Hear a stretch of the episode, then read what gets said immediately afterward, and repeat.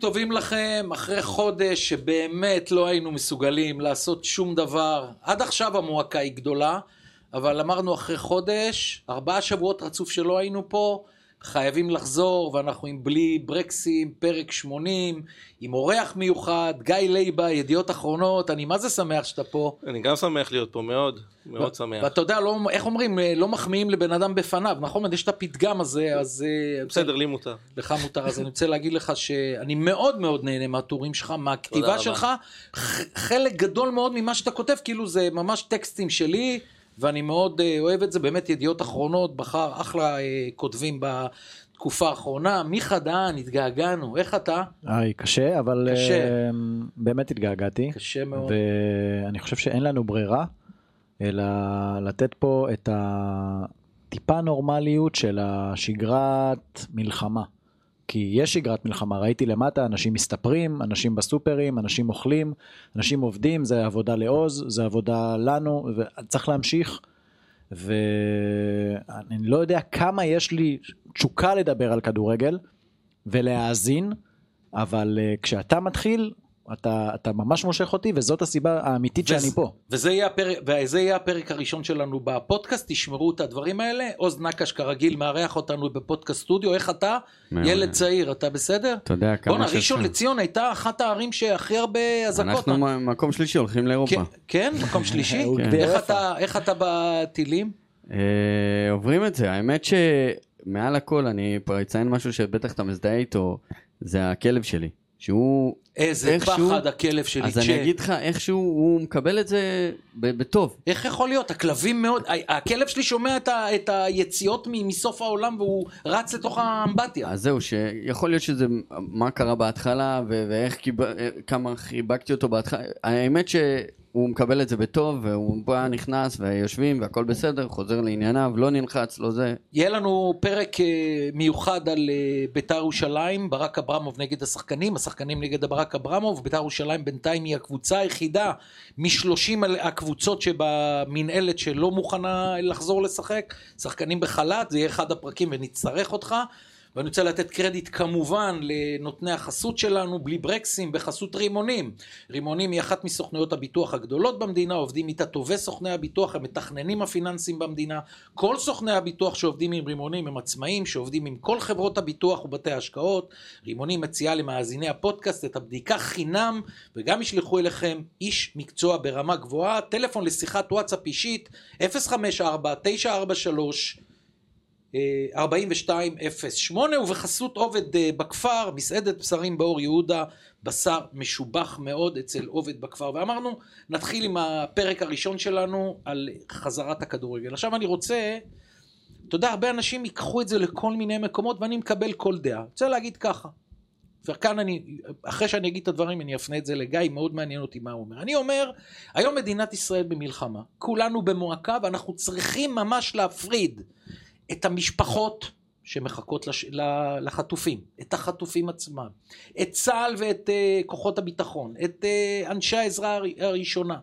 השב"כ, כל האנשים האלה הם מחוץ לתחום שלנו, אנשי הכדורגל. אתם משהו אחר לגמרי, אנחנו לא מנסים להשוות אותנו בכלל לכם, אתם מחזיקים את המדינה שלנו, אתם אמורים לנצח את המלחמה הזאת.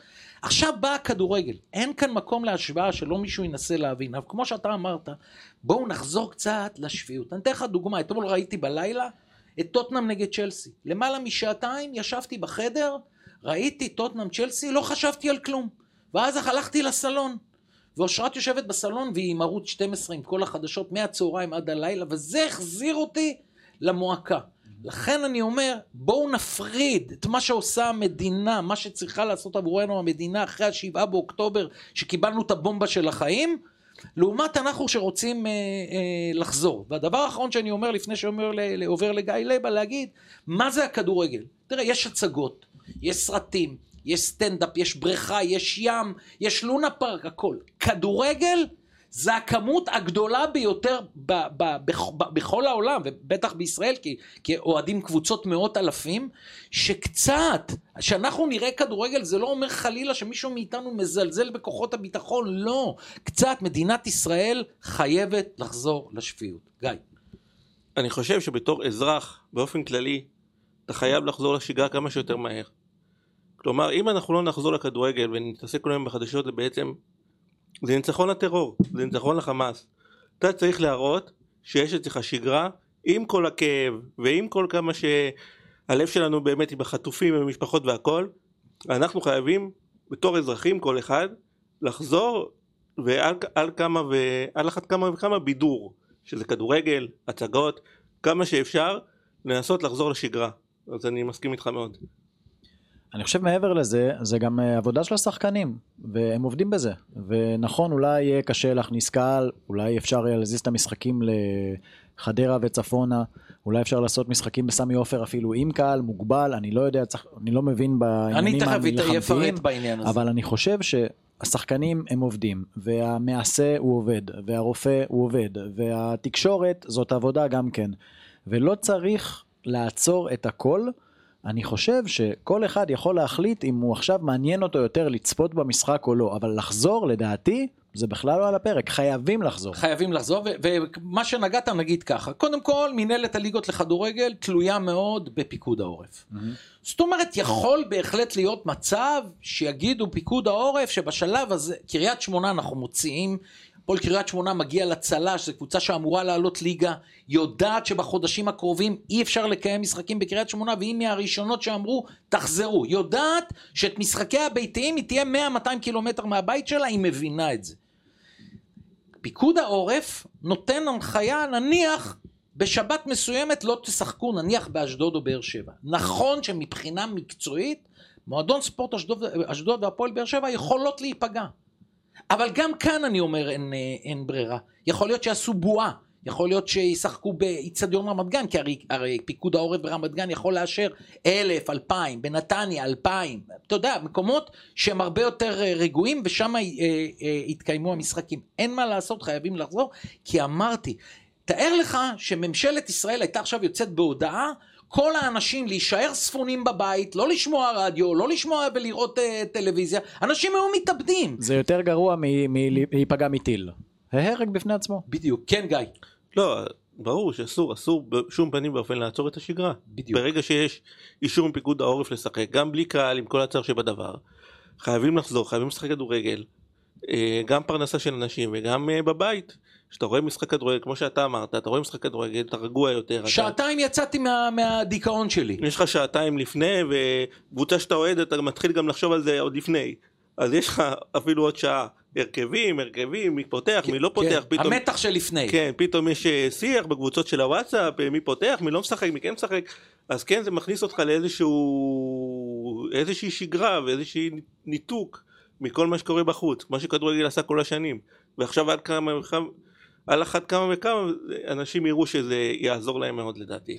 עכשיו בוא נלך לכיוון אה, שתי הנציגות האירופאיות, עוד מעט נגיע גם לפרק של אה, נבחרת ישראל.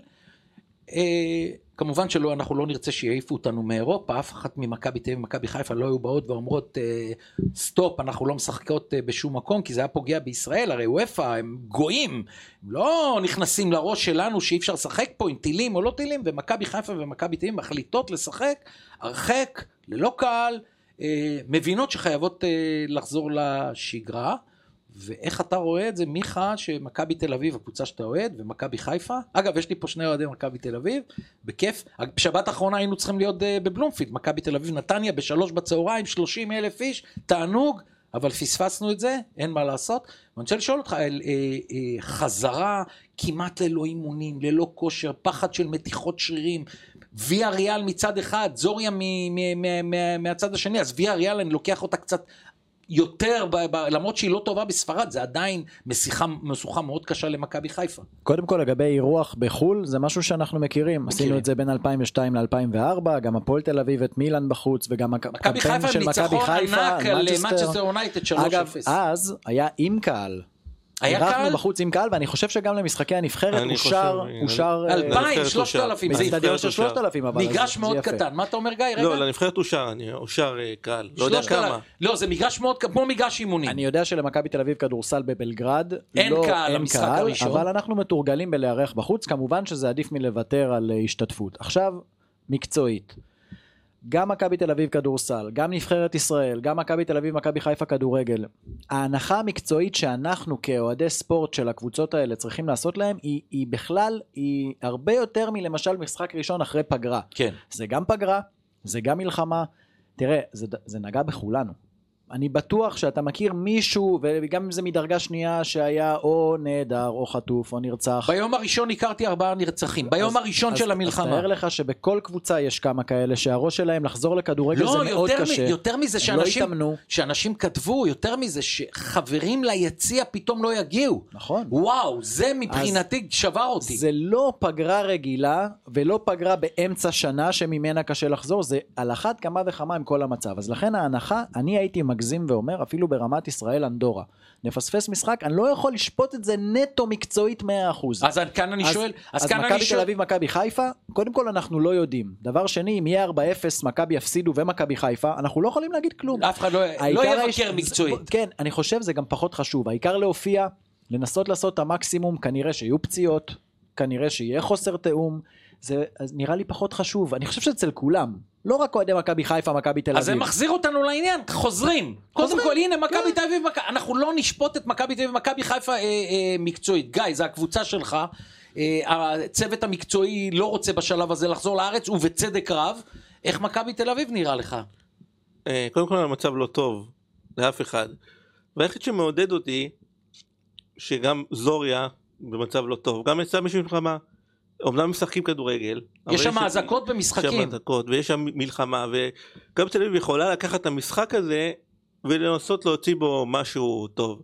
ראיתי את הפועל חולון בכדורסל למרות זו דוגמה מאוד רחוקה כן הפועל חולון בכדורסל גם לא שיחקו באו נגד אה, אלופת המפעל שלהם טלקום בון וניצחו אותם במשחק הראשון שלהם. אגב, כל ארבע גם הפועל תל אביב הישראליות, כדורסל כן, הייתה גם הפועל כל נהדרת. ארבע הישראליות ניצחו בכדורסל. כן, כל כן. הקבוצות. וכאן אני רוצה לשאול אותך, עזוב מקצועי, מיכה צודק, מקצועי אף שחקן לא יכול לתת 100% אחרי שהוא לא התאמן כמו שצריך בחודש האחרון.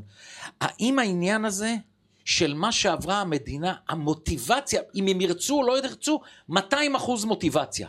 ברור אתה לא צריך להגיד כלום המאמן נכנס לחדר הלבשה לא צריך להגיד כלום שום דבר כולם מבינים את, את החשיבות של המשחקים האלה אף אחד אלון חזן לא צריך לעשות שום אספה כלום שום דבר לא להגיד כלום עוסק רק במקצועי כולם יודעים מה, מה מונח פה על הכף הכבוד של המדינה מונח פה על הכף כולם יודעים את זה ואף אחד לדעתי לא צריך להגיד מילה כולם בטירוף לדעתי השחקנים אני כל כך מסכים עכשיו איתך, אני כל כך בטירוף. מסכים איתך, שזה, אני כבר רואה את זה שאם אנחנו מנצחים, אני רואה את כולם בוכים.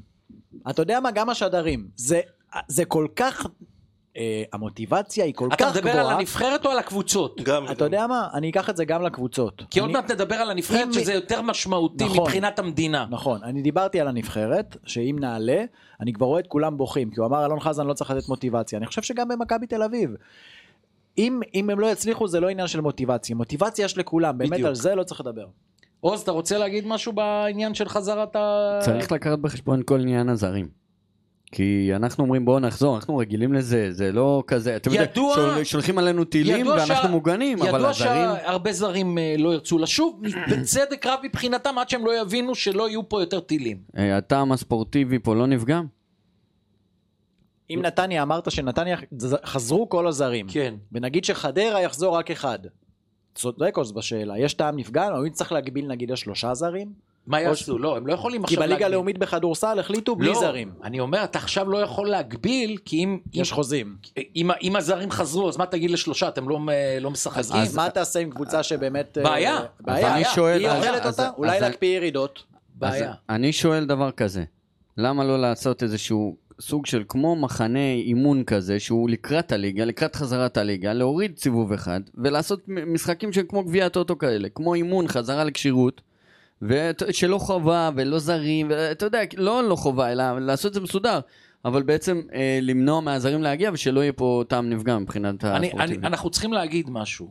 לא סתם המינהלת אמרה סוף נובמבר. אנחנו מאוד מאוד מאוד קצרים בתאריכים. נכון. עד כדי כך אנחנו קצרים בתאריכים ששחקני מכבי תל אביב ומכבי חיפה ב-12 יום יש להם חמישה משחקים, אתה שומע מה אני אומר לך? ב-12 יום, זאת אומרת, מכבי תל אביב ומכבי חיפה משחקות חמישי, ומאז יש לנו נבחרת, ראשון, רביעי, שבת, שלישי. זאת אומרת, אין, אין גם אימון טקטי, זה רק לפזר את השרירים, לנוח, ריצה קלה ולעלות לשחק. המצב הוא מבחינה מק- מקצועית ו... פציעות. חלילה מפציעות, שמע, אני, אני, אני לא, לא, מק, לא, לא מקנא בהם, אבל אני הולך לכיוון של המוטיבציה. אין מה לעשות, בשביל זה הזמינו גם לנבחרת ישראל שלוש- 27. 31 שחקני שחקני, שדה, 27 כן. שחקני שדה, 31 אה, סך הכל, אין לי ספק שאף שחקן לא יכול לשחק אם הוא ממכבי תל אביב ומכבי חיפה חמישה משחקים, אבל אני רוצה להמשיך רגע עם מכבי תל אביב ומכבי חיפה, ואמר עוז דבר אה, נכון, בנקודת הנחה, נצא בנקודת הנחה שבחלק מהקבוצות גיא כל הזרים חוזרים ואז הקבוצה היא חזקה וניקח את שתי הקבוצות המועמדות לאליפות מכבי תל אביב ומכבי חיפה אין שתי קבוצות שדווקא שם נניח הזרים יחששו זאת אומרת שתי הקבוצות נחלשות מה אתה אומר על זה? אפשר לפתוח חלון. חלון זרים. חלון אה, העברות. פתח חלון עכשיו, חלון חירום. מי שרוצה. אם יש זרים חופשיים שרוצים להגיע. אה, אפשר לתאם או שאתה אומר באופ"א. אם, איזה, אם איזה שני זרים ממכבי תל אביב נניח לא חוזרים מכבי תל אביב יכולה להביא שניים במקומם בתור אוהד מכבי תל אביב הסגל הזרים לא מטריד אותי. כי הסגל הישראלי של מכבי תל אביב מאוד מאוד חזק. הסגל הישראלי של מכבי תל אביב לדעתי יותר חזק מזה של אז מכבי כאן חיפה. נפגעת מכבי חיפה שיש לה הכי הרבה כן. זרים נכון שחלק מהם קיבלו אזרחות אבל מבחינת זרים הם יכולים להישאר סונגרן למשל הוא אמנם קיבל אזרחות הוא משחק כישראלי אבל הוא יכול להגיד חבר'ה יש פה פצצות אני נשאר בשוודיה שלא לדבר על ביתר, כן? אני, אני חושב שעוד לא שמענו על מישהו שקיבל אזרחות ולא מגיע, וזה באמת, אתה יודע, יש בזה טעם נפגם אם יקבלו ולא יגיעו. לכן אני חושב שהם ש- יהיו, הם יהיו פה. אני חושב שאלי מוחמד לארץ. וסונגרן ו... ויטור. ויטור. ושוקנו ויטור. וויטור כן הם אה, שורנוב, שוקנוב שו- זה 95. שו- שורנוב. כשאני רואה אותך אני רואה את שוקנוב. וואי, איזה גול, כן, בית שאן שקפץ שם. כן, עם. הזינוק, כן, כן. אז אתה אומר לפתוח. אני אומר לפתוח, אולי לנסות. אה, מי שיכול, אה, להביא זרים. חוץ מזה שעכשיו אנחנו בנובמבר, סוף נובמבר עד שתפתח הליגה. יהיה לך חודש, אה, עד ינואר, עד שנפתח אה, חלון העברות. תוכל להביא זרים, לא להביא זרים, אה, מה, מה שתבחר. אגב, זה מחזיר אותי לימי שומר חומות. שברית אביב שיחקה בלי זרים. תזכיר לנו מה היה בשומר חומות, אני באמת ש- לא זוכר. שומר חומות היה משחק אה, חצי גמר, מכבי תל אביב מכבי חיפה, היה אמור להיות בבלומפילד. והוא עבר לסמי עופר. עם שכטר 3-0 כן. אם אני לא טועה. 2-0, 2-0, אוקיי. ללא- ומכבי תל אביב שיחקה בלי זרים, בלי זרים. בלי זרים וניצחו 2-0. נכון. מכבי חיפה עם כל הזרים. בחצי גמר, זה היה פספוס. ענק של מכבי חיפה. ומכבי תל אביב באו בלי זרים וניצחו. אז נכון. זה מראה לך שלפעמים אולי זה יעשה טוב, בלי זרים. עדיף לך שחקן שרוצה לשחק מאשר שלא רוצה לשחק. מסכים איתך מאה אחוז, ואתה יודע מה? החלטה גאונית של אה, גיא לייבה, דוגמה. קבוצות כמו מכבי תל אביב ומכבי חיפה, במיוחד עליהם אני מדבר, לא שאני מוציא מזה את חדרה ואת אשדוד, שגם להם יש את הזכויות שלהם, אבל אם שני שחקנים מודיעים, חבר'ה, אנחנו לא חוזרים, לאותה קבוצה יש את האפשרות להשלים את ה... את זה ה- כמובן יהיה לכל הליגה. לכל הליגה, למרות שאנחנו מבינים שכל זר נורמלי, עם עיניים בר- בראשו ואוזניו לראשו, לא יעשה מאמץ להגיע לשחק עכשיו אה, בישראל, אם המצב הוא כמו היום, שאתה לא יודע מתי אה, תהיה אזעקה. לדעתי הכל תלוי בהסברה. הרי אם אתה אומר לשחקן זר, נגיד שגר בחיפה, שאם תהיה אזעקה, יש לך שתי דקות לתפוס מחסה, ואם תפסת מחסה אתה מוגן, אז הוא יכול להגיד, אוקיי, קצת מפחיד, אבל לא נורא, אני יודע איך להישמע להוראות ולהיות מוגן. על חדירה, אף אחד לא חשב, ואם מישהו היום זר ידע ורואה קצת חשוד, אתה יכול להבטיח לי שלא תהיה שום חדירה אוי נוספת? ואבוי. ואז מי יכול להבטיח דבר כזה? אז זאת הבעיה האמיתית. נכון. אזעקות, אנחנו יודעים להישמר מזה. כן. אם אתה נשמע להוראות, אז לסיכום על הקבוצות, לפני שאנחנו עוברים על הנבחרת, אז קודם כל אחלה הצעה של אה, גיא לייבה, אם זרים לא חוזרים לפתוח לקבוצות את הזה בשביל שלא ייפגעו אה, מקצועית, ובעניין האחרון זה עניין התאריכים, כמו שאמרתי לכם, אנחנו מאוד צפופים, חייבים לסיים את הליגה ב- בשלב מסוים, כי יש יורו השנה. יש ו- גם אולימפיאדה, יש ונ- יורו. נכון, ונבחרת ישראל מועמדת רצינית להגיע ליורו, למרות שאני אומר לכם, אירופה, וופא, נבחרות אומרות, רק שלא יגיעו לפה. אין, אתה יודע אם ישראל מגיעה ליורו אחרי מה ש... תש- תשמע, אתה- אתם מזה לא... נתחיל, עזוב את הכדורגל ישראל- רגע. מה יהיה? כמה נוסעים לגרמניה? אני אומר, 50 כל אלף? יום 100 100 לא טיסות 50 באת. אלף. יותר? אה, אני אומר 150 אלף. אז, אז רגע, חצי אז נגיד, נגיד לטוס. יש איצטדיון של 60 אלף, וישראל יקבלו 30 אלף כרטיסים. 100 אלף מסביב בברים? אני לא יודע, אני אומר שכן. לא, לא יכול להגיד לך מספרים, אני אומר, ישראל ביורו, תשמע, אנחנו כאלה, במפה אנחנו כאלה. אנחנו לא רוסיה, ארצות הברית, ובטח לא המדינות הגדולות של אירופה המועמדות לזכות ביורו, ספרד, פורטוגל, אנגליה, גרמניה, הולנד, ספרד, אוקיי? אנחנו כאלה קטנים. ושאנחנו נגיע, אנחנו, שאנחנו לא הכי גדולים בכדורגל באירופה, אנחנו נהיה הסיפור הכי גדול.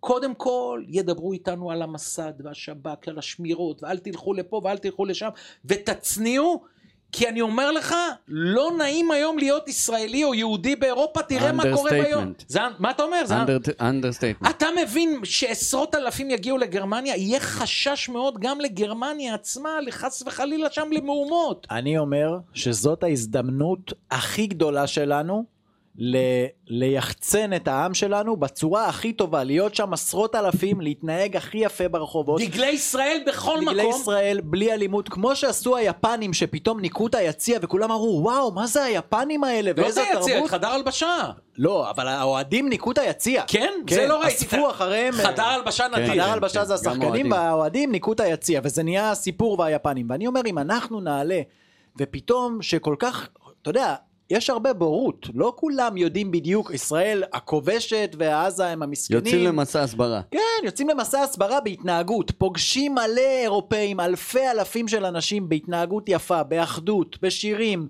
בצילומים, בלהראות להם בשטח את ישראל היפה, ואם אנחנו נעלה זה תהיה מבחינתי, ב- פה.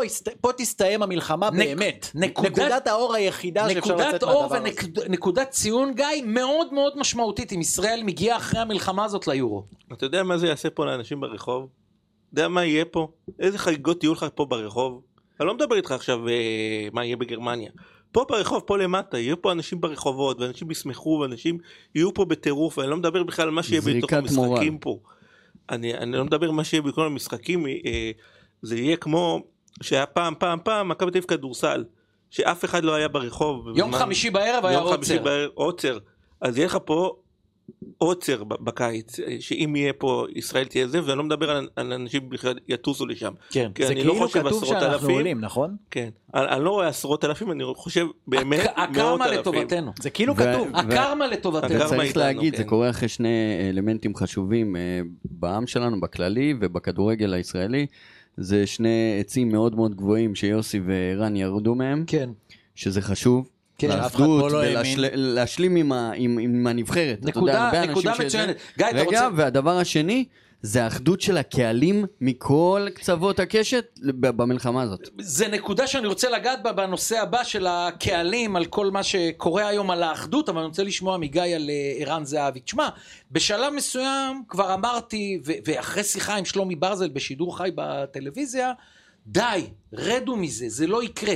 בניון אמר לי בשלב מסוים, די. בניון מתראיין לידיעות אחרונות, אומר, גם שאנחנו לוקחים 30 שחקנים בחשבון, ערן לא שם. זה הבנו שדי לדבר על זה, זה כמו ששפיגל לא יכול לשחק, גם ערן זהבי לא יכול לשחק. אני גם חושב, אני חשבתי כל הזמן שהצוות המקצועי קובע. מה שהצוות המקצועי אומר קדוש, אחרת אחר כך יגידו מה, מתערבים לצוות המקצועי, אז הוא לא יכול לעבוד. בדיוק. אז יגידו לו, אה, לא זהבי גם, אז, אז יבוא שחקן אחר, ויכריחו אותו לשים אותו בהרכב כי הקהל רוצה. לא, זה לא עובד ככה. בדיוק. לכן טוב מאוד שרן זהבי ירד מהעץ, לא יודע, יוסי בן-נון ירד מהעץ, זה טוב. אבל בסך הכל הצוות המקצועי, אה, חשבתי כל הדרך ואני חושב גם עכשיו, הצוות המקצועי הוא זה שנותן את המילה האחרונה והוא צריך לקבוע הכל. בוא, נ- בוא רק נגיד שהייתה שיחה בין ערן זהבי לרונן קצב, לילה לפני. ורונן אמר, זה תלוי ביוסי בניון. אני אדבר עם יוסי בניון. אם יוסי בניון מזמין אותך לשיחה, הדרך פתוחה, אבל אתה צריך לבוא מנקודת מוצא, שאתה לא יכול לדבר עוד הפעם על חדר לבד. ואז ערן זהבי אומר לרונן קצב, המלחמה הזאת גרמה לי לוותר. אני מוותר על הקטע המקצועי. נכון שזה חשוב לי, ואם יוסי בניון מוכן אה, לקבל אותי היום, שאני אה, זורם עם נבחרת בלי תנאים. ישראל, בלי תנאים אני חוזר, ואכן השיחת טלפון בין רונן קצב ליוסי בניון הובילה את השיחה של בניון וערן זהבי, שניהם ירדו מהעץ, יוסי לא התבצר באגו, אה, אמרת לי וקיללת אותי, ובאמת הוא קילל אותו ועשה לייקים להודעות של אח שלו, שזה גם לא היה במקום. שמים הכל בצד. שמים הכל בצד. ועכשיו אני שואל אתכם, על הצד המקצועי, כבר ערן זהבי חזר, אנחנו הרי עם הפנים קדימה מתקדמים.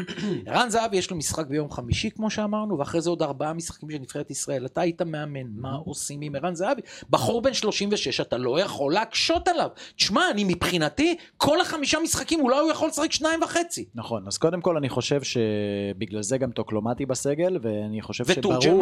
ברור שהוא לא ישחק את כל החמישה, השאלה מה אתה זורק. הראשון, אם אני לא טועה, זה שווייץ בנבחרת, לא, נכון? בנבחרת קוסובו בחוץ קוסובו חייבים. בחוץ. זה חובה. אז אני אומר לך ההרכב שלא. הכי חזק. אז אני אומר לך שלא, ואני אסביר לך למה. אני אומר שכן, אבל מעניין. אני אסביר לך למה. קודם כל, מכבי תל אביב לא התחשבו בנבחרת, וסביר להניח שהוא ישחק 70 דקות ומעלה.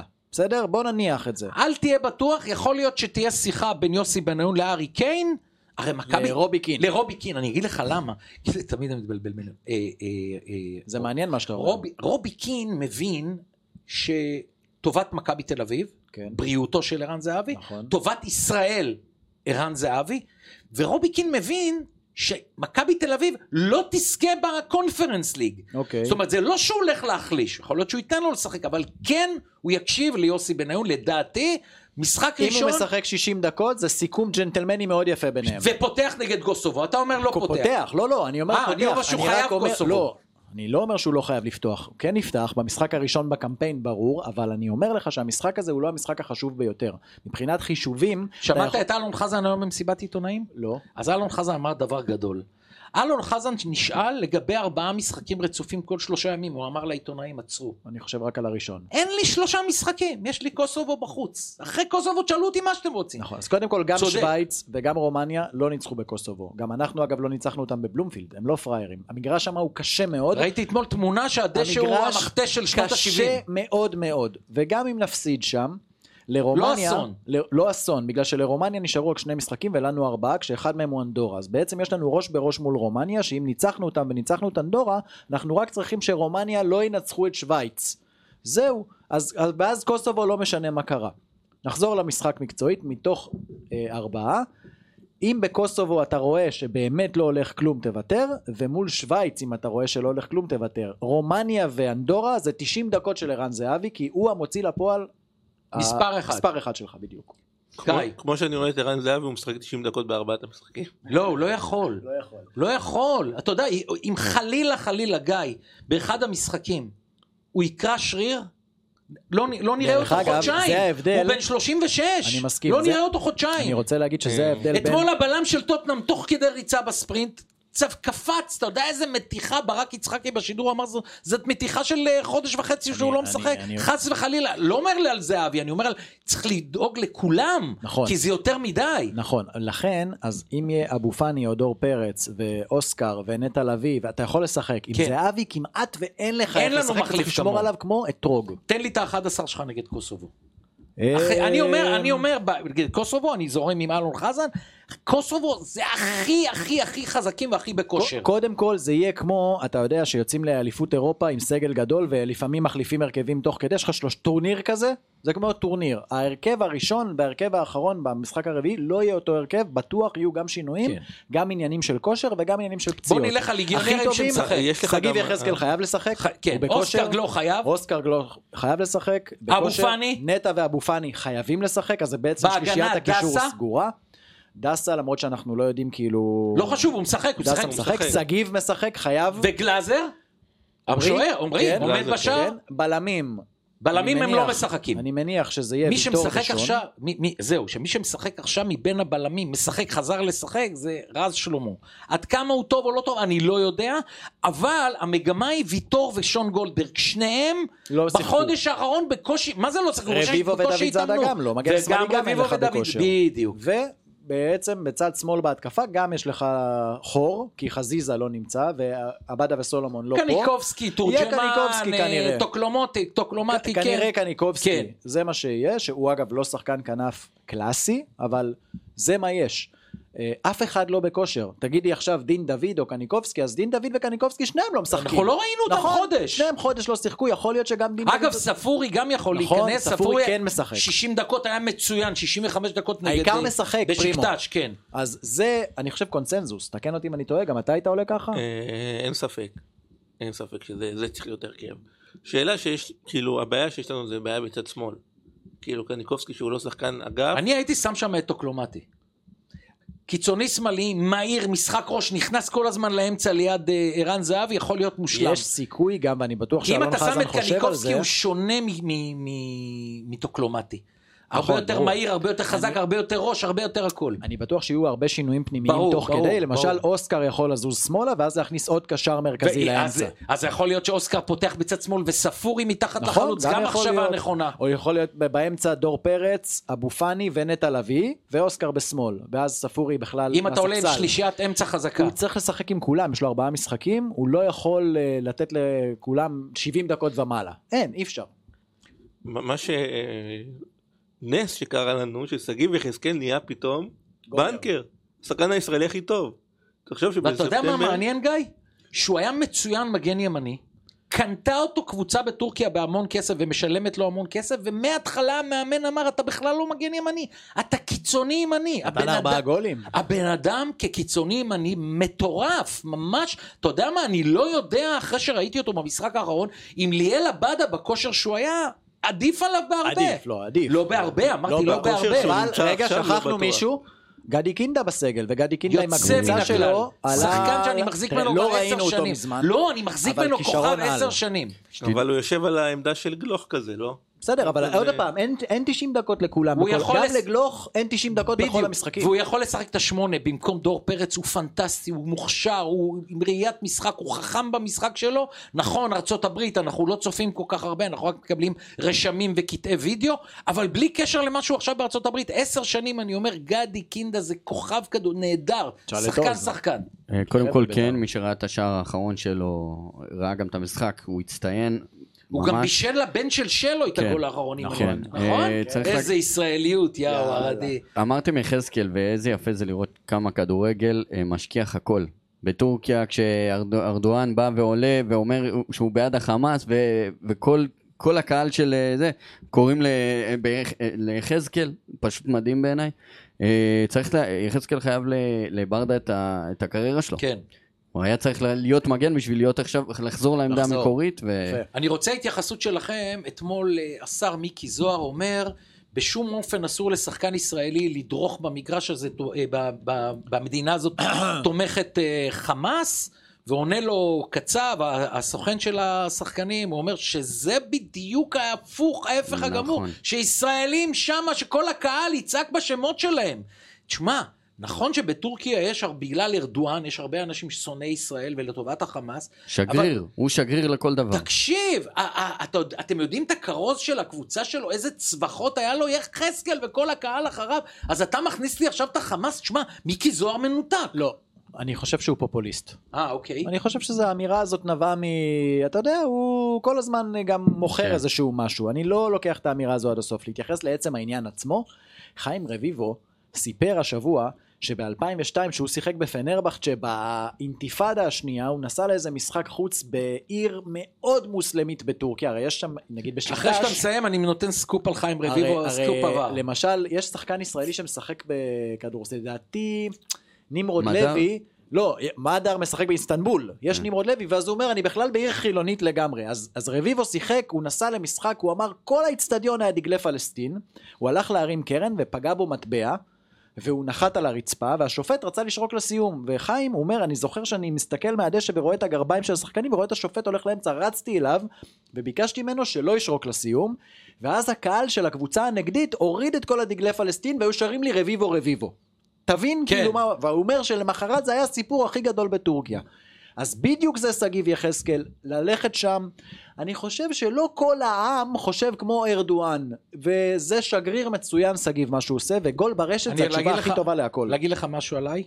כן. אני אה, תמיד אמרתי, אחד המקומות האהובים עליי ביותר בעולם, זה איסטנבול. כן. לא טורקיה, איסטנבול, לא מכיר, הייתי פעם אחת בבורסה, ביקרתי את רונן חרזי, הייתי בכל מיני מקומות. מלונות הכל כלול, שם זה התחיל. תשמע, אני מרגיש בתוכי, מבחינת אוכל, מבחינת אווירה, מבחינת שווקים, אושרת ואני נדרנו לא נוסע. איסטנבול סוף. גיא, מה אתה אומר על הנושא הזה של הטורקים? אתה... רגע, אמרת סקופ על. רביבו. אחרי אחרי- אחרי סקופ על אחרי גיא, אני נותן לכם סקופ ענק על רביבו. ברור, ברור שחייב לשחק. דווקא, דווקא. רואים דגל ישראל והקהל רואה... אני חושב שגם האוהדים שלו בכלל לא מתייחסים למה שקורה לישראל, הם מתייחסים לכדורגל. אה, אני חושב שגם בארץ עושים אה, עניין בכל אוהד שמניף דגל פלסטין וישר אומרים זה כל הקהל זה כל הזה יש הרבה אוהדים אגב גם של סלטיק שאומרים אנשי לעבאדה. הרבה מאוד אה, אוהדים של סלטיק לא אוהבים את האולטרס הזה הם לא אוהבים את הדגלי פלסטין האלה אומרים להם אל תבואו אל תבואו עם, עם הדגלים האלה זה לא אנחנו זה לא מייצג אותנו זה לא קשור אלינו כן. תראה, ראה לה פמיליה. זה לא אומר שזה בית"ר ירושלים. יש הרבה, יש הרבה אוהדים שאומרים, עצור, עצור, יש לי המון דברים להגיד על בית"ר ירושלים, עוד מעט יהיה פרק, רציתם סקופ על... על- הנה חיים תקשיב, רביבו. לפעמים צריך מישהו או משהו להיות בזמן הנכון, במקום הנכון. עכשיו אני אספר לך, אז כולם יודעים שרונן חרזי ואני זה כמו אחים. ורונן נכנס הרי לבעיה עם בורסה שלא שילמו לו המון כסף, והוא שכר עורך דין טורקי בשם אוקיי, שהייתי עם רונן כל היום בטלפון, אוקיי, אוקיי, אוקיי, אמרתי לו כבר אני לא יכול לשמוע אוקיי, די, הוא לא מסוגל להביא לך את הכסף מהטורקים, ואז רונן קיבל יום אחד איזה טלפון ואמרו לו יש בחור ישראלי, איש עסקים שמקורב מאוד מאוד לכדורגל הטורקי, אנג'ל אני חושב קוראים לו, אני חושב אנג'ל, ג'קי אנג'ל. ג'קי אנג'ל, תודה, מותק אתה. ג'קי אנג'ל, ו... שולף מהארכיון במוח. ורונן מתאם באיסטנבול בווילה של ג'קי אנג'ל שהוא בא אליו ו- וג'קי אמר אני אעשה את הכל בשבילך שתקבל את הכסף מבורסה אני מקורב מאוד לכדורגל הטורקי. שים לב לאחד הסקופים הגדולים שהיה לי בכדורגל הישראלי. רונן מגיע לג'קי אנג'ל, דופק בדלת, פותחת לו מישהי את הדלת, מתיישבים בסלון, מי יושב ליד ג'קי אנג'ל? חיים. לא.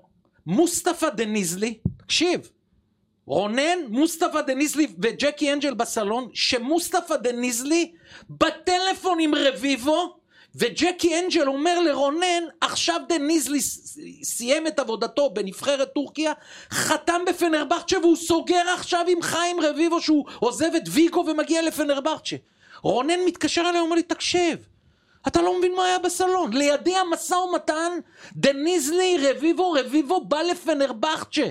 ואני מפציץ את זה בכל ישראל. רביבו סגר בפנ... עכשיו תראה את החולרות של כלי תקשורת אחרים. כתבו לי הוא הולך לגראסופרס, כתבו הוא הולך לבשיקטש, שום דבר לא סוגרים בפנרבכצ'ה. אמרתי לו רונן לא הפלת אותי, הוא אומר לי פרימו, הכל סגור לידי מול העיניים, איך אני יכול להפיל לך? סגר, נעל. דניזלי סגר עם, עם אה, חיים רביבו עם אה, פנרבצ'ה, סכומים הוא אפילו דיבר איתו. ואני פרסמתי, ולמרות התקשורת הישראלית שכמה מהם ניסו להגיד, הוא הולך לגראסופר, זה בשיקטש, חיים רביבו סגר בפנרבכצ'ה, סקופ אדיר בזכותו של וואו. רונן חרזי, שהלך בגלל אוקיי המטומטם לסלון של ג'קי אנג'ל, ושם הוא ראה את המשא איך הוא ומתן. שמע את זה, יואו. הוא, לא, ג'קי אומר לו, אתה יודע מה קורה עכשיו? הוא מדבר אה, עם אוקיי. חיים. אז, אז אגב, חיים סיפר על זה שנים אחר כך, שהוא לא רצה ללכת, הוא שלח את משה סיני ש... שיעשה לו בשבילו משא ומתן, כי הוא לא רצה לבוא לטורקיה מספרד, אז הוא אמר לו, זרוק סכום שאי אפשר להגיד. כל סכום שהיה, הוא היה אז רוצה. הוא אמר משהו כמו, אני לא זוכר בדיוק, אולי שלושה מיליון יורו, אז הוא אמר לו לשלוש שנים, אז הוא אמר לו, לא, לשנה. אז הוא אמר לו, טוב, בסדר. אז הוא אומר, כבר, חיים, אי אפשר להגיד לא, הם אמרו בסדר לשנה. חיים מספר שחלק גדול מהכסף הוא קיבל ממזומן שהיה לו כל הזמן באוטו בבגאז'. מי ש... בבגאז' היה לו אה, מלא כסף, הוא פחד לפתוח את הבגאז' ליד הבית. בואו נעבור לנושא הבא. זה יהיה, זאת תהיה הקדמה לביתר ירושלים עוז ועל נושא אה, יהודים ערבים. אה, קודם כל, מה, מה דעתך על מה שקורה? כי, כי אני אגיד לך, אנחנו כאנשי תקשורת, אני רוצה להגיד לך משהו, גיא. אני לא כועס על שחקני הכדורגל הערבים שלא לא גינו, לא כועס. יכול להיות שאני מאוכזב מהם, אני מבואס מהם. אני מאוד מבואס למשל מזוהיר בהלול. זוהיר בהלול, תמיד שהיה סיפורים בין כדורגלנים ערבים ל- ל- ליהודים, תמיד נתנו לו לכתוב טורים, הוא התראיין. חוד החנית. מה? חוד החנית. באמת, נתנו לו פתחון פה כערבי ישראלי שחשוב לו האנשים האלה, השחקנים האלה, והוא הגן עליהם. כאן היה משהו שהוא לא, אפילו לא מה שהיה עם מואנס דבור בשומר חומות, כאן היה הרבה מעבר לזה. חשוב לי לשמוע דעתך על הנושא הזה של כדורגלנים ערבים, מה הם חייבים, אה, צריך להבין באיזה סביבה ואיזה משפחות הם גדלים. זה לא פשוט היום לשחקן ערבי לצאת ולהגיד אנחנו מגנים, מגנים, מגנים. הם חיים בסביבה אחרת כמוני וכמוך שגרים באזור תל אביב. נכון, אבל קודם כל צריך להגיד את אלה שכן אה, כן כתבו, כן. כמו אנן חלילי, הראשון היה מדהים. ג'אבר, אחריו אה, אה, אבו- אבו עבד מ- מ- מבאר שבע, אחריו חלילי, שיבלי. שיבלי, כן, לאט אז- לאט אז הם קודם יצאו. כל צריך להגיד להם, כל הכבוד. דבר שני, אני לא יודע באיזה סביבה הם חיים, גם אתה לא יודע באיזה סביבה הם חיים. לא, אבל אני מבין את המורכבות. אה, אני- יש מורכבות אה, מאוד מאוד אה, גדולה, וגם אה, יש מהם איזשהו לחץ מאיתנו להגיד. אבל אפשר לצאת לידי חובה, גיא. אפשר, אפשר, אני להגיד מסכים איתך. משהו, אתה כן, אומר. אני- משהו. אני בירם מסכים איתך, קיאל, אבל- איפה הוא? אבל, אבל מצד אחד, בירם קיאל, זרקת לי להנחתה, אתה תמשיך אותי גיא. בירם קיאל, אני מאוד אוהב את בירם. אני ובירם בקשרים פנטסטיים 15 שנה. נסעתי שבת אליו, אתם יודעים, לבקר אותו אחרי הפציעה הקשה. קשה לי עם זה ששחקן, עכשיו, קוראים לו בירם קיאל, אבל יש עוד כמה כאלה, שהרי בעצם הכדורגל הישראלי עומד מאחוריו. הביא אותך למקומות שהיית שם. היית בחוץ לארץ, היית שחקן מוביל בנבחרת ישראל. לא אשכח אותך מספר 7 בהרכב הראשון כל משחק. ברמה ספציפית גם נוצרי. היה גם- היה גם קפטן, לא? עכשיו, אני לא מצליח להבין. כן, אבל עכשיו תכתוב משהו, אל תגיד משהו שיכעסו עליך מהצד הזה, או יכעסו עליך מהצד השני, אפילו תהיה אמצע, אבל תגיד משהו שנשמע. זה ש, שבירם לא, לא אמר ולא כתב מילה, שהוא שחקן נבחרת ישראל, הוא הגיע לאן שהגיע, ממכבי חיפה, מנבחרת ישראל, לאנגליה, לסקוטלנד, אני קשה לי עם חושב זה. שאם קשה לך, עדיף שתשתוק. אם קשה לך לגנות באמת רוצחים, כי אולי אחר כך יגיעו לא אליך, עדיף לצאת לידי עדיף- חובה? לא, עדיף לשתוק. עדיף מאשר שתגיד משהו שתצא ואתה נותן כמו הליגה האנגלית, הליגה לא. האנגלית, היו עדיף ששותקים. כן. הרבה אוהדים של ליברפול כבר לא אוהדים את ליברפול. נכון. אתה זורק אולי לכיוון של אשתו של דיה סבא שסיפחה אותו. נכון, היה עדיף שהייתה שותקת. כן, עדיף, אה, זה מאוד מאוד קשה אה, לאנשים עכשיו לשמוע, ואני מצדיק אותם ואני מבין אותם, קשה להם לשמוע על, על מישהו שעצוב לו על ילדים בעזה, אחרי שילדים שלנו קרה להם מה שקרה להם, זה מאוד מאוד קשה. כאילו שעושים את הסימטריה הזאת עכשיו. שחייבים לעשות סימטריה. זה מה שהיא עשתה. עכשיו, וזה אם, קשה, קשה לשמוע את זה, אי אפשר לשמוע את זה. אם, אתה קשה. שואל, אם אתה שואל אותי, דיה אמר, אחרי זה בכלי התקשורת, שהוא לא ידע והיא עצמאית. אני אומר שאשתו של דיה סבא, לפני שמוציאה פוסט כזה, בעלה רואה אותו. בטח. בעלה רואה אותו. בטח. שמע דיה, אני הולכת לעשות בלאגן, אתה מוכן? אתה לא, היא לא? אומרת לו בלאגן, היא אומרת לו, זה מה שאני כותבת, ואז הוא אומר לה, תכתבי מה שאת רוצה. במקום להגיד לה, תשמעי, זה יכול... חבר'ה, בואו, עכשיו בואו ניקח... הקריירה שלו תלויה. בואו נראה, בואו ניקח רק את מכבי חיפה. לדעתי, מכבי חיפה לא תיתן לו לשחק. עצם זה שהיא הוציאה הודעה, אה, בהודעה היא אומרת, מטעמים מקצועיים. עכשיו אני רוצה להגיד ככה, אני גם כתבתי את זה בערוץ הספורט. דיה סבא, כמו כל שחקני מכבי חיפה, אף אחד לא יודע באיזה כושר הוא. נכון. כולם הגיעו כמו דיה סבא. אתה לא יודע איך שרי, אתה לא יודע איך סונגרן, אתה לא יודע איך עלי מוחמד. הוא מקצועית, לא, זה לא מקצועי. וכאן אני רוצה להגיד משהו. היה לחץ מטורף של אוהדים של מכבי חיפה, אני לא יודע להגיד בכמות, אני קיבלתי הרבה מאוהדי מכבי חיפה, שכתבו חד משמעית לאוהדי... והכי כאב לי, שאוהד מכבי חיפה כתב, כתב לי באופן אישי, פרימוש, תדע לך, בנושא של דיה סבא, שלא מעט אוהדי מכבי חיפה נרצחו. זה קרע אותי. זה, ההודעה הזאת אה, ספציפית. וכשאתה לוקח מכבי חיפה היום, איך היא מתנהגת, מה היא אמורה לעשות? הרי בואנה, יש פה שחקן כדורגל שחתם לחמש שנים, שבחמש שנים האלה הוא אמור לקבל שלושה מיליון יורו, כל שנה 600 אלף יורו. לדעתי, נכנס כאן גם הנושא המקצועי, שאולי סבא, לא כמו אצילי שבא ועזר לזכות באליפות והיה כוכב במכבי חיפה, סבא לא מספק את הסחורה. האם מכבי חיפה לקחה את זה כ... הגביאו לה, כאילו... אני אומר הפוך, דיה סבא עשה את זה כדי לצאת משם. לא, אבל דיה יעשה את זה אם יש לו הצעה 100%. לדעתי יש לו. לדעתי יש לו. אם עכשיו יהיה לו קבוצה שהוא ילך אליה, אתה צודק. אחד המשתכרים הכי, הכי גבוהים בליגה. זה כאילו חתונה שלא למקום כל כך שאתה, מצליחה. הוא. ניצל, הוא ניצל את העובדה ששחקנים של מכבי חיפה עזבו. והייתה בליגת אלופות, ונכנס המון כסף ויודע מה למועדון. ציינו פה לא מעט שחקנים של חיפה ועוד צעירים. כאלה שהם לא מובילי דעת קהל. חלילי ושיבלי ילדים עדיין. אתה, אתה, עוד יותר, אדרבה. כאילו, תראה את השחקנים, חברים שלך, מה אומרים, ותראה. מה אתה אומר? אה, אני אומר שעוד עוד? היום, עוד, עוד לפני היו בעיות עם מכבי חיפה, לדעתי אה, בערך עשר דקות אחרי שחתמו איתו על החוזה כבר התחרטו. כי הוא לא מתאים, אני לא יודע מה הולך שם בין מסיידגו. בואנה, תשמע, הוא ניצל את... קודם כל, הוא לא מסתדר עם מסיידגו, זה אני יודע בוודאות, מתוך הקבוצה, אבל, אבל אה, הוא ניצל, אתה יודע, מה זה ניצול? זאת אומרת, אם כל הסגל של מכבי חיפה היה נשאר, ינקלה היה אומר לו תודה רבה, אין אצלי 600. אבל תראה מי עזב שם, אצילי ואבו פאני, שני מעוזים של המועדון. וג'וש כהן וכל הכסף שנכנס מליגת אלופות, זאת אומרת, היה לו על מה לשחק, והוא הצליח, הרי ינקלה שחר, אף אחד לא אמר, עמד לו עם אקדח לרקה. הוא רצה לתת את הכסף הזה לדיה סבא. הוא ואני- ישמח לתת את הכסף הזה עכשיו לאצילי. וש... וש... בחזרה. יכול להיות, ושבועות אה, קצרים אחרי זה, גיא, גילינו שדיה סבא זה לא אקס פקטור לאליפות. זה כמו שקרה לו בהפועל באר שבע, אותו דבר לפני הוא היה טוב רק בנתניה שלוש ארבע בארץ. שנים, הוא היה טוב בנתניה, הוא בא לבאר שבע בתור אה, סופרסטאר, והוא לא הצליח, כן. התרסק לגמרי. זוכר שהוא היה במכבי תל אביב גם? כן, זה-. אני לא זוכר משחקים כן, שלו אני לא זוכר שהוא. שיחק אני. זוכר גם, אתה יודע, בעונה שעלו כולם ילדים. אתה יודע, שבחצי גמר גביע המדינה, שנתניה הגיעה לגמר נגד קריית שמונה של כן. ברק בכר, היה חצי גמר נתניה מליגה לאומית של יוסי מזרחי, נגד מכבי פתח תקווה של ליגת העל, 2-0 לנתניה, מי צמצם בדקה האחרונה ל-2-1 למכבי פתח תקווה?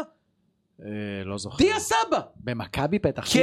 כן, כן, לא זכרתי. כן, היה במכבי פתח תקווה, אני זוכר את הכחול לבן שלו. ונתניה ניצחו ועלו לגמר, אבל זה הערת אה, אגב. אני חושב שתהיה בעיה מאוד מאוד גדולה, זה כבר לא, לא גם להנהלה. מחמצה בשיחק. אני חושב שגם אם לא הייתה מלחמה, הקהל, תהיה הוא לא היה. נשאר בכל מקרה בינואר, כי הוא לא מסתדר שם, ואמרת שיש בעיות עם מסיידגו, לא, אבל, אבל צריך ורואים לקחת... שיש הרבה בעיות מקצועיות עוד לפני... אבל גם- גם יודע שהוא יהיה גם- מסודר בחוץ. רגע, שנייה, אבל, אבל כל מה שאתם אומרים, צריכה להיות לו קבוצה שתקלוט אותו. אין דבר כזה לבוא בחוץ הוא יהיה ולהגיד... מסודר. נכון, לא יודע, אולי יש הצעה, אין הצעה, אבל בכל מקרה לדעתי בינואר במכבי חיפה הוא לא היה, גם אם לא היה את, ה... את, כל, את כל הבלגן הזה, כי רואים שהוא לא, מבחינה מקצועית, זה, זה, זה לא עובד כמו שזה עבד שנה שעברה, ואם ציינת שיש בעיות עם דגו, אז זה בכלל לא נראה לי. לא, לא, יש... האם הברק מכה פעמיים? הברק מכה פעמיים, ואני רוצה, אני רוצה להגיד לכם משהו, ואני אגיד את זה, אנחנו עוברים לביתר ירושלים על כל מה שקורה, ואני רוצה להגיד לכם משהו מאוד מאוד בזהירות, אוקיי? אם הייתי אומר את זה לפני המלחמה, יכול להיות היה לזה טעם גזעני קצת, אבל אני אסביר את עצמי, שחלילה מישהו לא יחשוב לרגע שאני גזען. יש לי המון אוהדים שרופים של ביתר ירושלים חברים שלי. עכשיו, במשך השנים, מה היו הוויכוחים שלי איתם? הם אומרים לי כל הזמן, הערבים לא אוהבים אותנו, מה פתאום שיהיה ערבי בביתר? ואז אני אמרתי להם, מחבלים לא אוהבים אתכם, גם אותי מחבלים לא אוהבים, הם רוצים להרוג אותנו, אבל אתם מדברים על מחבלים. ואז אני אפילו מקשה עליהם, אני אומר להם, אם היה בירם קיאל ומואנס דבור ודיה סבא, השחקנים הערבים המובילים, היו בביתר ירושלים, הייתם רצים לאליפות? לא, מה פתאום, זה לא יקרה בביתר, הם לא אוהבים אותנו, לא אוהבים אותנו. וככה היה הוויכוח, זה ויכוח שעד כדי כך משפחתו של צ'אפי, שהם ימניים ואנשי ז'בוטינסקי, הם, הם קנו בית באריאל, עד כמה הם, אתה מבין מה אני מתכוון? על איזה משפחות אני מדבר, ותמיד המשפחות וזה, לא אוהבים אותנו, לא אוהבים אותנו, ואי אפשר היה לעצור את זה. למרות שם, למה אנחנו מדברים על ביתר? כי צריך להגיד את האמת, ביתר, בגלל שהיא מוותרת על מישהו מגזע מסוים או מדת מסוימת, זאת גזענות, וביתר הלכה עם זה לאורך כל הדרך, ואני לא מכניס כאן את צדייב וגדייב, שההברקה הזאת, או ה- הפלצנות הזאת, קוריוז הזה של אה, גיא דמק. אני מדבר על ערבי או מוסלמי, מה, מה, מדבר על שחקנים מהסוג של קיאל ודיה סבא, זה אין שום סיכוי שיגיעו לביתר. מה אני רוצה להגיד היום, ואמרתי לכם שאני אגיד בזהירות, אני יותר לא עושה את הוויכוחים האלה יותר. אחרי המלחמה הזאת, אני בטוח שהצד הזה, שכל הזמן היה אומר לי, אם לא אוהבים אותנו, לא, אני אומר להם, לא, לא אוהבים אתכם, מה הם לא אוהבים אתכם? היום אני לא יכול עוז להגיד את הדברים האלה יותר אחרי המלחמה, כי זה, כי זה מאבק ביני לבין החברים שלי, מאבק סגור לגמרי. אתה חושב כמוני? אני חושב אמ, שכאילו בכל זאת יש ערבים שכן מייצגים את המדינה. כלומר הם משחקים די... עם נבחרת ישראל, עומ- עומדים בהמנון, זה כן איזשהו... אבל הם לא בביתר. הם לא זה בבית"ר מה שאנחנו ירושלים, מדברים. כן. עומדים בהמנון, אין להם הרבה אופציות. הם יכולים לא לעמוד. אבל צריך אה, להפריד. לא, לא, רגע, מחויבים רגע, רגע, רגע, חברים, צריכים להפריד. שחקן אה, נבחרת הם ישראל, אה, אה, סליחה, הם יכולים לא לשחק בנבחרת, אתה יודע מה? יכולים לא לשחק בנבחרת, אז למה הם באים אבל אבל? זה- נטו אינטרס אישי פה. אני לא יודע נטו, זה אינטרס. מה. למה האינטרס היא שאם הוא שחקן טוב והמאמן הנבחרת סליחה, מזמין אותו? כשרשום לך שחקן נבחרת, ה- ה- הסכום שלך עולה משמעותית. רגע, רגע, עוז, אתה הולך למקומות, אני אומר לך, שתהיה בריא. יש מאמני נבחרת ישראל בעבר, אברהם גרנט הזמין את אה, עבאס סואן, קשטן הזמין יש את בדיר. שחקנים אידיאולוגית שלא הגיעו לנבחרת. רגע, לא, לא, לא מכיר דבר כזה. כל הטובים הערבים, כולם שיחקו בנבחרת ישראל. מג'ימי טורק עד היום אה, חלילי. אין, אין... מה זה, מה זה ב- ב- ב- בשביל האינטרס האישי שלהם? הוא ישראלי כמוני וכמוך. רגע, עכשיו- הדבר היחיד שהוא לא יכול זה לשיר את התקווה. רגע, אני מזכיר לך את דיה סבא.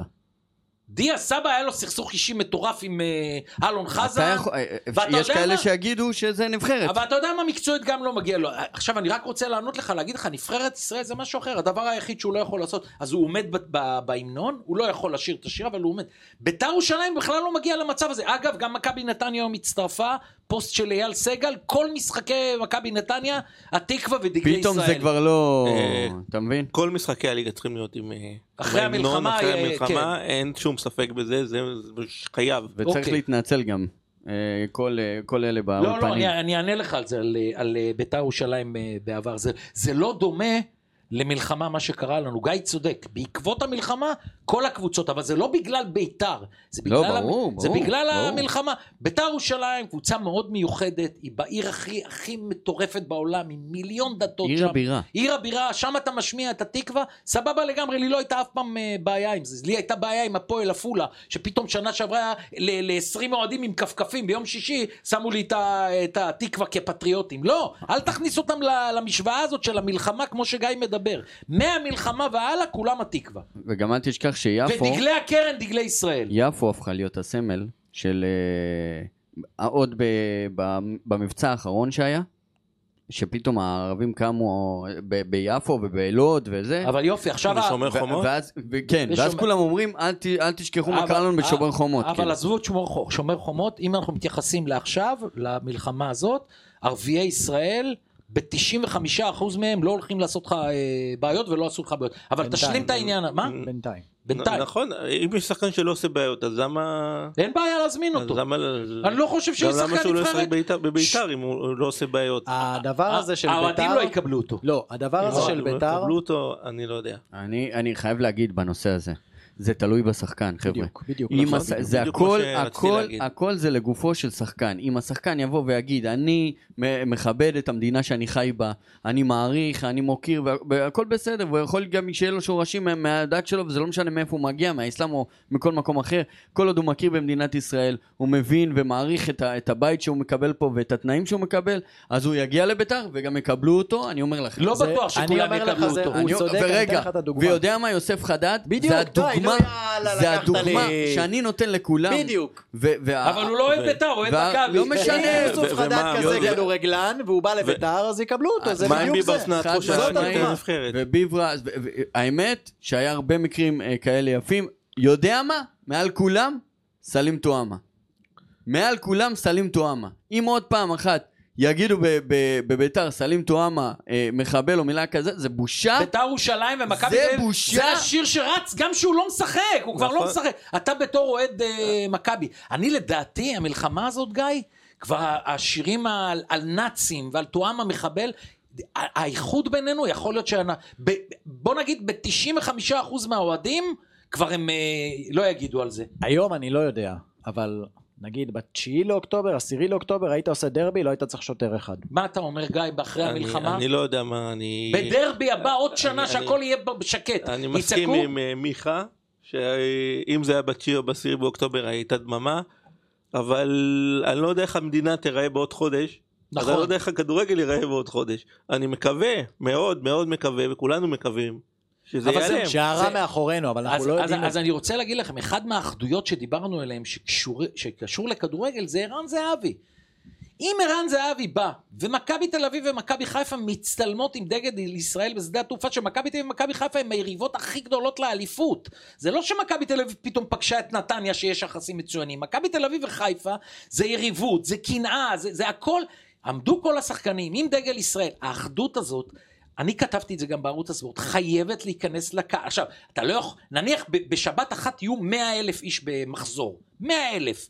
אני לא אומר 100 אלף אחדות, נכון, יהיו תפוחים רקובים, אבל רובם ככולם, רובם ככולם, אה, אה, לא, לא יצעקו יותר תואם המחבל ושואה להפועל ולמכבי. אני, קודם כל, השיר של השואה, אני ממש מקווה שהוא ירד, אבל אני רוצה להגיד לך יותר מזה, הרי אנחנו דיברנו בפרק האחרון, לפני שיצאנו לפגרת מלחמה הזו, על הסוסים והפרשים והאלימות כלפי וואי, הילדים, כן, כלפי כן. האוהדים הטובים. הדרבי התל אביבי היה אני, נורא. אז אני טוען שמבחינת אלימות, עזוב שירים, אלימות, לא צריך בכלל עכשיו שוטרים, הכל יהיה מאוד מאוד רגוע, בהתחלה בוודאי, אחר כך אנחנו לצערי שוכחים, אתה רואה את זה גם בכביש, בהתחלה יש מאוד אדיבות בכביש, פתאום חזרו לצפצף קצת. אתה מרגיש את זה כן. שזה? אני החשש הגדול כן. שלי במדינה, אחרי אחרי המלחמה, המלחמה- ה- ה- מה ש- ההפגנות שהיו לפ- לפני, זה יהיה כפול. זה יהיה יותר גרוע. מה לגבי ברק אברמוב? זהו, אני נותן לך את רשות הדיבור ראשון. אז אני... אני רואה את זה שברק אה, בעלים שמתנהג לא כמו כל הבעלים בכדורגל הישראלי. קצת חזק מדי כלפי השחקנים שלו. יש פה ש... אה, אה, שני טעמים. אחד, זה האימפולסיביות שלו, שהיא פסולה, ב... זה, זה קונצנזוס. הוא אגב, זה לא- יכול- זה יכול לא פעם ראשונה. זה התחיל בבני חד יהודה. משמעית, לא יכול לדבר ככה לשחקנים, לא יכול... איך אתה מצפה שאחרי זה הם ייתנו לך הכל במגרש, כשאתה מתנהג ככה ומדבר ככה בזילות? כן. אתה יודע, חכה רגע. תן, אולי עוד שבוע אה, נגיע לאיזשהו הסכם. אולי הם הבינו את הוא המסר. אימפולסיבי מדי כלפיהם. מאוד אימפולסיבי. מצד שני, אני שומע את הרעיון שלו, ואני לא יכול לפסול את זה לגמרי. אני לא יכול לא להזדהות, לא להבין שיש פה מלחמה ויש פה חטופים ויש פה אה, משפחות ש, ש, שחרב עליהם עולמם, ואתה בא ועכשיו עולה לשחק כדורגל כאילו זה זה. אז כן, זה אסקפיזם, זה נכון, אבל אתה מצפה פה שכמו שהעסק שלי נפגע, וכמו שאתם נפגעתם, וכל אדם במדינת ישראל כמעט נפגע כלכלית, אתה מצפה שהשחקנים ייכנסו מתחת לאלונקה ולא יעשו טובה וידחו תשלומים ויודע מה יאללה עשרה אחוז למה? למה? אני נפגעתי ב-80 אחוז אולי יותר אפילו זה המינימום פה זה כשאתה מסתכל על ההכנסות של הקבוצה ואתה מבין שאין לנו את ההכנסות האלה וה- והמועדון הולך להיפגע משמעותית כן מצפים שתבואו ותורידו קצת מעצמכם בשביל ש... שנוכל לחיות פה בשלום. ושנדע שגם השחקנים אלה שחתמו איתם על חוזה והיה עם ראש קטן גם הם אני, נתנו מעצמם. אני לא נכנס לכיס. אתה יודע מה? לא נכנס לכיס של ה... איך זה עובד בתקשורת? הרי גם התקשורת יצאה לפגרה. אני, אני בחופש. אני בחופש, אני מצפה שהמדינה תפצה אותי כמו שפיצתה אותי המדינה. ב- בקורונה, זאת בוודאי. המשכורת נפגעה. בוודאי, אני לא עובד. אז זה מה שאומר עוז. כשאין כדורגל אני לא עובד. אז זה מה שעוז אומר. עכשיו, מה אני רוצה לומר, ואת זה אני שואל את uh, גיא, אני לא נכנס עכשיו לרגע, גיא, לעניין של זה הוריד עשרה, זה עשרים, זה שלושים. כתבת היום בצורה מופלאה, כל שחקן בביתר ירושלים, אם לא יקבל חודש משכורת, עדיין יכול להחזיק מעמד ולהרוויח לא כמו האחרים. אני שואל את השאלה, מה זה העניין הזה? כתבת למה רק ביתר תמיד? מה זאת אומרת כל פעם שיש, שיש לו איזה בעיה, הוא אומר אנחנו לא מופיעים, מה זה? אני גם לא מבין, זה חלק מהאימפולסיביות של אברמוב. אבל אני, אם אני בא לקראתו ואני שופט אותו לקראת זכות, הציטוטים שלו, מה שהשחקנים אמרו לו, אותי זה היה מאוד מאוד גם מעצבן. לא הייתי הולך לתקשורת, אבל אם אומרים לו, אם הוא אומר, אם מה שהוא אומר נכון, הוא אומר, אה, הוא אומר לא עבדתם באוקטובר, הוא אומר הלכנו לבקר פצועים בבתי חולים, זה גם חלק מהעבודה, אז, אז גם הייתי מתעצבן מהדבר הזה, כי לא עבדתם. אז תבואו לקראת המועדון. אני כתבתי על שחקנים שמרוויחים, לא יודע, 100 אלף דולר, 200 אלף דולר, 300 אלף דולר, יש שם שחקנים שמרוויחים גם בביתר, שיבואו לקראת המועדון, כולם, כל השחקנים הטאלנטים, צריכים לקצץ, אברמוב אמר שהוא לא יקצץ למי שמרוויח אה, 10, 15 מי אלף. שמרוויח 20 אלף דולר בחודש זה 80 אלף שקלים. הוא כן. יכול לוותר על 20 אחוז, אין ספק בכלל. אני מדבר על ילד שמרוויח בקושי 10,000 הוא לא- שקל הוא לא- בביתר. הוא לא נוגע בהם. הוא לא אה, נוגע לו. אז פה אברמוב צודק, אם אתם, לא, עזוב את זה, אני בקטע הזה אומר, וואלה, אברמוב בקטע הכס- הכספי, אני לא נכנס לזה, הוא צודק, השחקנים רוצים להגיע למקסימום. אני מדבר על זה שביתר ירושלים היא אחת מתוך 30 קבוצות במינהלת, 16 ליגה לאומית ו-14 ליגת על, שהוא היחיד ששובר את הכלים. אבל יש פה, יש פה ברור, אמירה, הוא לא יכול, הוא לא יכול לעשות דבר כזה. יש פה הוא לא אמירה, יכול להגיד אנחנו לא נעלה. וזה לא פעם ראשונה, אני חושב שזה כבר פעם רביעית שהוא אומר, אה, שקורה לו משהו בכדורגל, הוא אומר, לא נופיע. הוא חושב שהוא יקבל גב אה, מאוד, מאוד גדול מהקהל, והוא גם לא ממש טועה. אה, צריך להגיד, וזה משתנה מאוד חשוב, שבוע לפני כל המקרה, אופיר קריאף, שהוא בדרך כלל זה הראשון שנכנס אחד מתחת, המנהיגים. אה, הוא אולי אה, דמות מספר אחת בחדר ההלבשה, אה, שגם, שגם מקצועית הוא לא רע, אז זאת אומרת הכל בא לטובתו, והיה תקרית שהוא בדרך כלל זה שמייצג את השחקנים, הוא נכנס ראשון מתחת לאלונקה, הוא זה שמראה שהכי, שיוותר על משכורות אפילו, ואני חושב שיש פה עניין, שכנראה אומרים, אני מבין שמתנכלים אליו, אני לא יודע אם זה נכון, אבל uh, אני חושב שפה פה טמונה הבעיה של בית"ר, בגישור מול הקפטן. והוא גם uh, הושעה במשחק האחרון, באימון האחרון, כן, כן, זאת אומרת כן. יוסי העיף אותו מהאימון, אתה חושב שיש לזה קשר כן, לעניין? כן. כי, כי אם, אם יושבים עם אופיר ואומרים לו בוא, תקשיב, א', ב', ג', אופיר מדבר עם השחקנים ומוציא את זה קל. כן, כל, הבעיה היא הרי בהתנהלות, גם של השחקנים. אם הליגה חוזרת... וגם בס... של הקהל. אם הליגה... אה, של אה, אברמוב, של סליחה. אברמוב. אם, אם הליגה חוזרת בסוף החודש, ביתר מופיעה למשחק נגד הפועל פתח תקווה? אין שום, אין שום ספק ש, שהוא מופיע, ואני אגיד לך גם שהיא תופיע גם בהרכב הכי חזק שלה, אין שום ספק. אף שחקן לא יחרים את זה, ואף שחקן לא יסתכן בכל מיני השעיות שיכולים לתת לו. אבל הוא בחל"ת. הוא בחל"ת לא, לא יכול... אני, אני, אני מאמין ש... עד אז אתה אומר שזה יסתדר. אני אומר שזה ייפתר ברגע האחרון, יביאו את uh, ג'קי, את ג'קי בן זקן, או את uh, לוזון, או מישהו שיפשר שם, ויגיעו, אתה יודע, לאיזה, לאיזושהי פשרה, שצריך להגיע בינתיים, לעכשיו, אבל לא עושים את זה. בינתיים זה ראש בראש, ארגון השחקנים, וטבע את ביתר, ואברמוב לא מוותר, והוציא אותם לחל"ת, כולם קיבלו מכתבים על חל"ת. אתה יודע מה זה חל"ת? חל"ת זה פיטורים. עד הודעה חדשה אתה מפוטר, אין לך שקל. אז מה זאת אומרת עכשיו שהוא יכול לחתום אה, במכבי תל אביב? לא, בחינם? לא, לא, יכול, יכול, איפה שהוא רוצה, הוא משוחרר עם כרטיס ביד. כן. לא מכיר את החוק הזה? שוחרר עם כרטיס ביד. שבאמצע... ויודע מה, אם שחקן יעזוב ככה, זה, הוא צריך לחשוב על זה טוב אה, לפני שהוא עושה דבר כזה. יאללה, סגרנו שעה. אה, לייבה, חשוב לי לשמוע איך הרגשת. היה לך נוח, היה לך נעים, היה לך טוב. היה לי מאוד מאוד כיף, מאוד נהניתי. כל רגע. שמח מאוד שבאת גיא ליי בידיעות אחרונות לפודקאסט אה, שלנו. עוז נקש, פודקאסט סטודיו, תודה רבה. מיכה דהן, תודה רבה, אבל אני חייב לתת קרדיט למפרסמים שלנו, בלי ברקסים, בחסות רימונים. רימונים היא אחת מסוכניות הביטוח הגדולות במדינה, עובדים איתה טובי סוכני הביטוח והמתכננים הפיננסיים. כל סוכני הביטוח שעובדים עם רימונים הם עצמאים שעובדים עם כל חברות הביטוח ובתי השקעות. רימונים מציעה למאזיני הפודקאסט שלנו את הבדיקה חינם וישלחו אליכם איש מקצוע ברמה אישית, טלפון לשיחת וואטסאפ אישית 054-943-4208 ובחסות עובד בכפר, מסעדת בשרים באור יהודה, הבשר משובח מאוד אצל עובד בכפר, פודקאסט סטודיו. צריך להגיד uh, למאזינים שלנו שהרבה שאלו למה אין פרקים וזה, ואנחנו בעצמנו הרבה פעמים התלבטנו החודש. אה, מתי לא... כדאי, מתי לא כדאי, על מה נדבר, האם יש טעם. היה קשה מאוד, אנחנו ניפגש פה ביום שלישי הבא, זה כבר אחרי משחק של uh, מכבי חיפה, ויהיה לנו על מה לדבר, הכנות לנבחרת, בוודאי יהיו עוד המון uh, חדשות בכדורגל הישראלי, וכמובן אנחנו נלווה אותם. עוז, גיא לייבה, מיכה דהן, אני משה פרימו, ביי להתראות, אוהב אתכם.